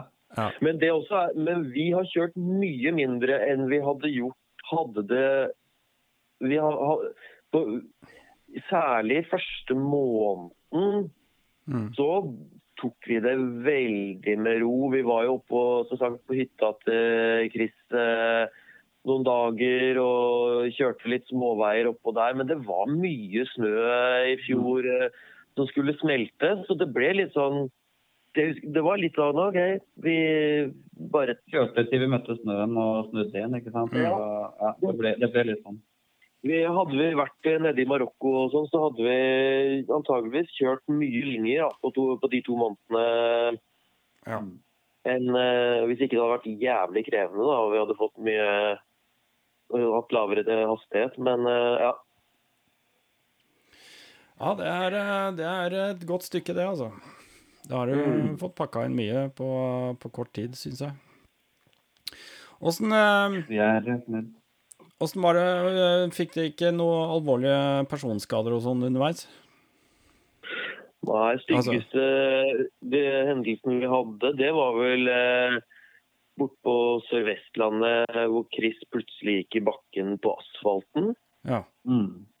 Det var eh, en låsning på et bakdekk som kom litt brått på. og så var det en bil som lå foran deg, som plutselig bremsa litt. og Så måtte du hogge litt på bremsen, og så seila ja, vi hadde jo vi hadde kjørt litt offroad rett før der, og da hadde jeg ABS-en av. Og, da, og så var det en bil foran som hev seg på bremsen, og så uh, fikk jeg låsning på hjulet. da, så mm. Det var vel litt sånn 70 eller ja, 65-70, tenker jeg. Uh, men der kommer jo da personlig utstyr inn. da. Uh, har man utstyr som er bra, så man, Jeg sto rett opp igjen. Uh, ble jo slengt bortover veien i ja, 25-30 meter kanskje. Mm. Med sykkelen også. Og, men det var jo egentlig bare å reise seg rett opp, ta sykkelen rett opp og starte igjen. Mm. Uh, så, så, personlig utstyr, altså bra sikkerhetsutstyr, er, det er alfa og omega. Altså. Er, er, er, det noe du skal ikke spare penger på, så er det det. Ja. ja. Nei, jeg er helt enig. Uh, I går så snakka jeg med Frode. Han, har, uh, han deisa i bakken her i 80 uh, eh, for et par dager sia. Jeg, Han gjorde det, ja. Spont, spontant spilte inn en liten samtale jeg hadde med han her i går. bare for å høre. Det gikk veldig fint med han, heldigvis. da, Men det er som du sier, Chris. Altså, dette utstyret, det er vi faen så avhengig av altså, når vi først har behov for det. og ikke det er, det er dumt å spare penger på utstyr. Det kan vi Mm. skjønt være enige om, og særlig hvis man har deisa i bakken, så og, Ja, det, det gjør vondt hvis man ikke ja. hvis man er skikkelig Altså, uheldig, det- så kan det gå verre enn å være vondt òg, men Ja, og det som var litt artig med det hele, var jo vi hadde jo, Jeg hadde jo Håkon på intercomen også, og, og ble jo da slengt bortover veien. mm. Og, og, og det første jeg ser, er da at eh, pastaglasset som vi hadde brukt kvelden før, ikke sant, begynte, begynte å trille nedover veien, så jeg måtte reise meg opp og løpe etter det. ikke sant? Så, så det, det forklarer litt. det var jo, Jeg hadde litt, litt vondt i armen, liksom, men det gikk over veldig fort. da. ja. Mm. Så nei, man skal bare være glad for det. og, og ja. Men det er jævlig ekkelt å sitte bak noen Ja. Og kjører bak en kompis som går i bakken, og det er litt sånn, og jeg må hogge inn bremsen, og Mm. bare det som går gjennom huet mitt òg. For jeg tenker Kjører jeg over den nå? Liksom, hva, hva skjer? Hvordan går dette? Og det er og, ja, og, og du får sikkert så mye adrenalin, og, og, så du tenker på det pastaglasset. Mens jeg bare tenker bare Å, faen! Hva, hvordan går det her? Mm. Og så gikk det så bra. Det er helt vilt. Det er, ja, måtte bytte ja, måtte kjøpe noen nye pakkbager, og det var vel det. ja. Det var jo da bagasjen gikk høl på. Mm. Ja. Ja. og det er jo litt viktig også, tenker jeg, at når du først går i bakken, at, uh, så er det, og, det, og, det, og det blir skader, så er det viktig at man enten får det fiksa eller, eller kjøper seg nytt. Det er også noe man kan ta på forsikring. da. ja. Ja. Nei, og det, det tenker jeg var sånn Håkon også, da, som kjører bak deg og ser alt sammen. Eh, den, eh, den situasjonen har jeg også vært i, og det er eh, jævla kjipt når du ser uhellet bakfra, og det er ingenting du kan gjøre. Og de, den tiden, eh, altså selv om dette er bare er unnagjort på noen sekunder, så virker det som om det tar en Mm. evighet. Og, Ja. og det er, det er veldig støkk. Jeg, jeg, det er godt å høre at Chris bare reiser seg opp og begynner å løpe etter pastaglasset. Det er ofte et godt tegn. Men, men eh, situasjoner hvor vedkommende bare blir liggende dritkald, da, da, Mm. går, da går tida så sakte. Altså. Er eh, Ja. den tida man bruker på å bremse ned og hive ned støtta og sette fra seg sykkelen og komme seg bort til den uh, forulykka eller skada, den tida, den er så lang. Ja. Man, man rekker, det virker som det tar en evighet. Det er helt sinnssykt. Så Så er det jo kanskje greit å nevne at uh, skal du på en tur eller sånn Generelt så er det greit å gå gjennom litt sånn Ha, ha førstehjelpsutstyr. mm, Det er veldig viktig å ha med seg på tur. Mm. Eh, og, og ikke minst vite hvordan man skal bruke det, og, og sette deg litt inn i det. For hvis det først skjer et eller annet, så er det viktig å ha hodet kaldt. Og da, da er det Mm. greit å vite at man har sett litt hva man skal gjøre, i hvert fall. ja. Ja. ja. Nei, det, det er vi det riktig. nå, da, men Det er riktig, altså. Det er det. Um, jeg tror ikke man kan bli drilla nok på de greiene der. Nei. Antakeligvis. Sånn er det. Ja. Nei, så Men uh, dere, det kommer et nytt uh, koronaår, ser det Ja. ut som. det gjør det.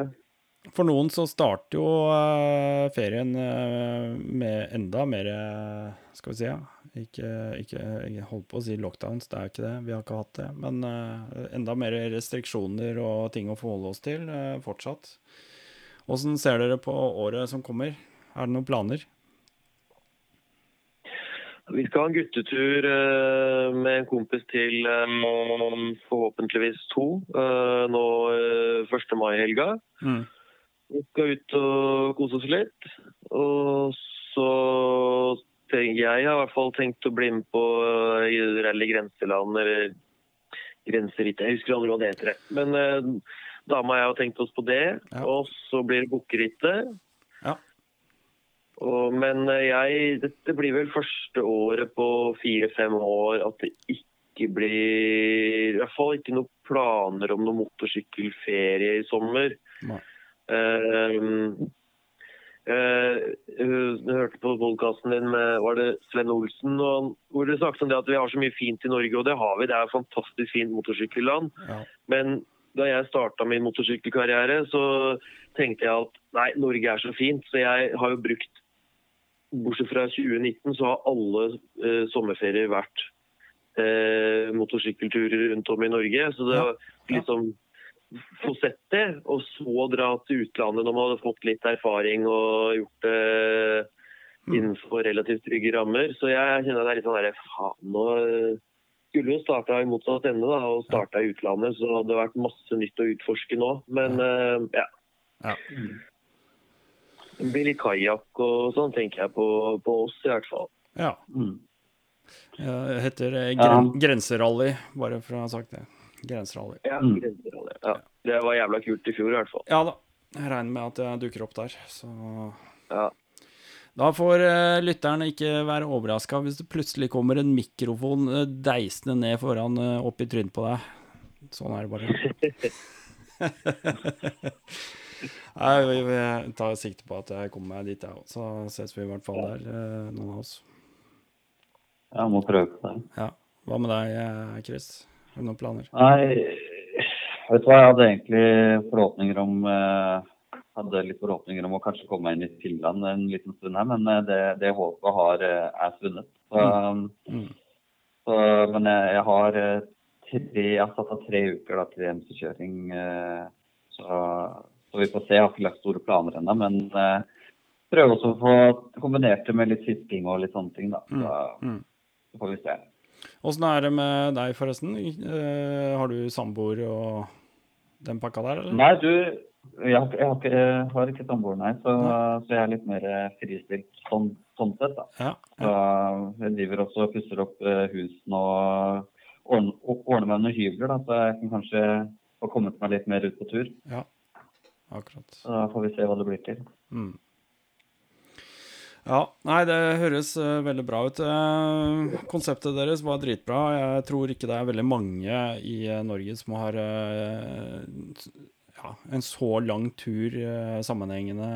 Det er mange som har kjørt på kryss og tvers, det er ikke det jeg sier, men en så lang sammenhengende tur i Norge, det er nok ikke så veldig mange som har gjort. Mm. Så veldig kult å prate med dere, og det var kjempekult å møte dere. Vi rakk jo møtes et par ganger i fjor, under den Mm. samme turen der.